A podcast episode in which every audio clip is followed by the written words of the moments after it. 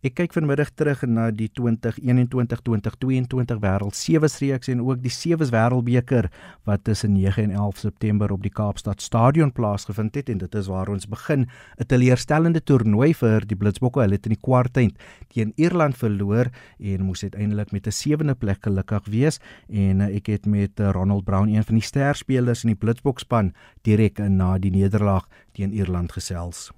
Yeah, I feel like we we had a plan in place. Uh, took it to them, but we couldn't execute. Um, it was all over, and they kept the ball nicely. Um, I feel like as a team we we had a, a few moments where we lacked in uh, accuracy, and uh, the effort was there from the boys, I must say. Um, but uh, at the end, they, they took control of the game, and then we they didn't let us in. I don't think every moment gets to the team. I think uh, we fight until the end, until the last minute. Um, I just feel like uh, with the mistakes creeping in, you you sometimes give a bit away, and, and, and that's uh, that, that's what Ireland took, and, and they played really well. Dan aan die Blitsbok speler Ronald Brown nou na die nederlaag teen Ierland was daar nog slegter nuus vir die Blitsbokke.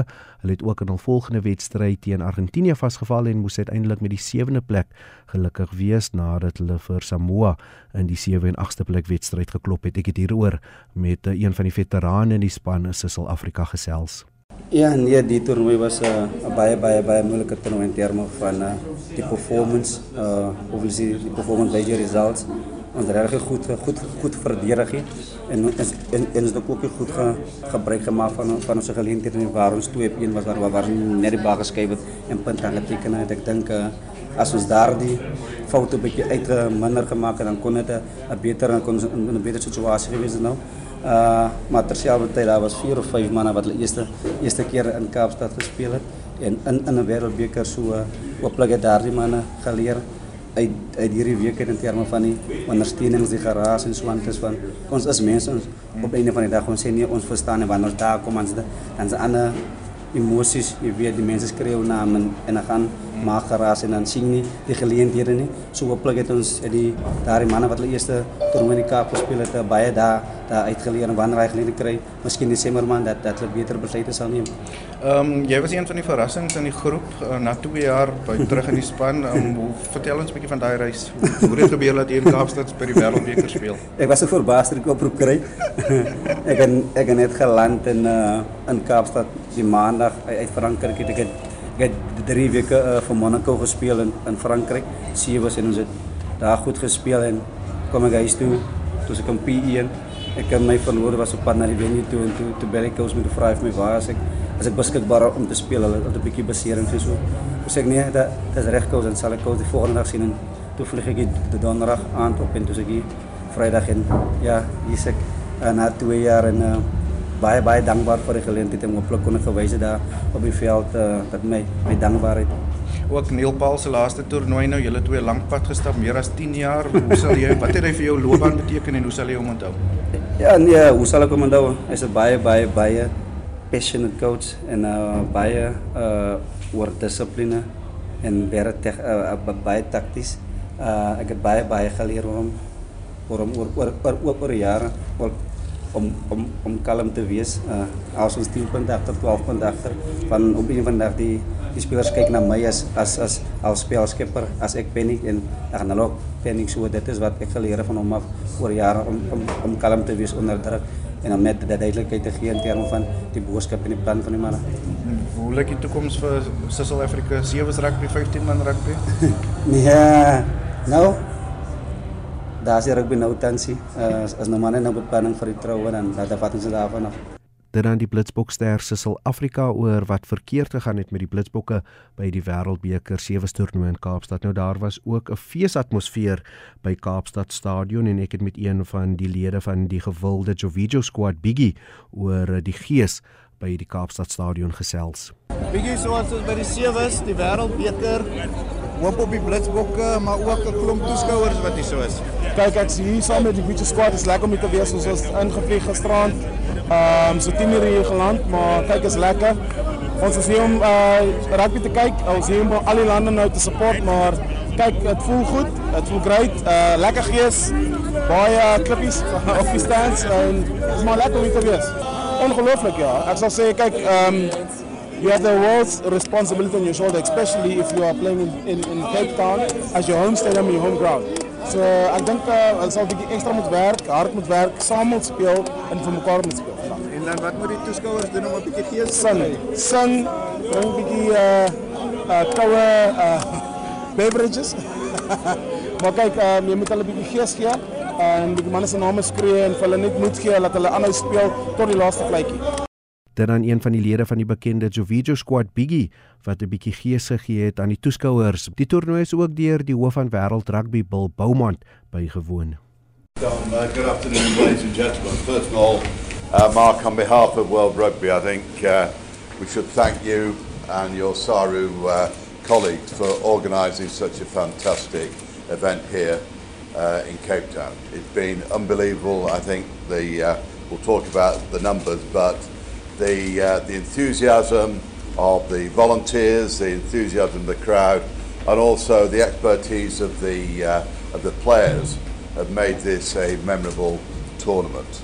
And just put it on record, Mark, that it, your organisation has been outstanding uh, as usual, and uh, you've made everybody, I think, all the visitors, um, and especially uh, all the players, who are the most important people here, really, the men and women who've uh, represented their countries uh, in what has been a fantastic tournament. I know we've got the, uh, the climates to, to come and uh, I think we've seen some outstanding rugby from both the, the men and women and I'm thoroughly looking forward to the final. So on behalf of World Rugby Mark, it's uh, been our pleasure and a privilege to uh, be hosted by you uh, over the last few days here in Cape Town. Terran Bill Beaumont, die hoof van Wêreld Rugby, die president van SARU, Mark Alexander sê dit was vir hom 'n hoogtepunt die feit dat daar meer as 100 000 mense die Kaapstad Sewes bygewoon het. I think over the weekend we had more than 105,000 people uh, attending the games. That's not counting those who are still coming in now. So uh, I think that's good for good attendance for, for the World Cup. I'll think uh, uh, Brendan saying about the team playing late, uh, the local team playing late the local team plays early, uh, especially here, people go home. So we're trying to keep the people in the stadium to see all the teams play, both the men and women. We, we're not happy with the performance, but you know we had a, a long year. Our team won the first five tournaments, and uh, I think that's taken a lot out of them. A lot of injuries. Our ladies team is growing leaps and bounds. They're getting there where the team was last year, where they're now. It's uh, a great improvement. So we're, we're excited of where, where, where the the women's game is going, especially in the sevens and in 15s. The men's team, a little bit of disappointment. We had a lot of injuries, and I think uh, the team has taken a knock. And with the coach leaving also creates another area of uh, uncertainty. And we should make an announcement early this week about who will be the next coach. Dan die president van SARU Mark Alexander en soos hy daar genoem het is die nuwe Blitsbok afrigter gaan gekondig en dit is uh, die akademie afrigter Sandile Ngobu wat as die nuwe hoofafrigter aangewys is. Hy gaan deur Philip Snyman as assistent bygestaan word maar ek het die uitgaande afrigter Neil Paul gevra wat sou sy advies aan sy opvolger Ngobu wees Ja, ek dink soos ek gesê het, bly weg van sosiale media af. Mense se opinies beïnvloed definitief hoe jy oor jouself dink, hoe jy oor die span dink en en hoe jy oor die stelsel dink en ek en ek dink wat belangrik ook is is dat jy vir jouself 'n mentor kan kry wat jou so half kan bestuur ten tye van wanneer jy suksesvol is op tye wat dit nie so goed gaan nie. Ek dink jy verloor baie perspektief en baie keer is jy alleen in 'n kamer in Vancouver waar jy basies niemand rondom jou het waarmee jy kan gesels nie. So is altyd goed om so iemand te hê um, om net weer vir jou te sê hoor jy bly net glo in jou stelsels, bly glo in die goed wat jou en die stelsel suksesvol gemaak het want dit het dit alself bewys in die verlede. So uh, Ja, ek dink ehm um, moeilike moeilike werk, baie keer eensame werk, maar 'n uh, ongelooflike geseënde werk om te hê ook. En dan die voormalige Blitsbok afrigter Neil Paul se advies aan die, die nuwe Blitsbok afrigter Sandile Ngobu en Philip Snyman wat tans in beheer van die span is.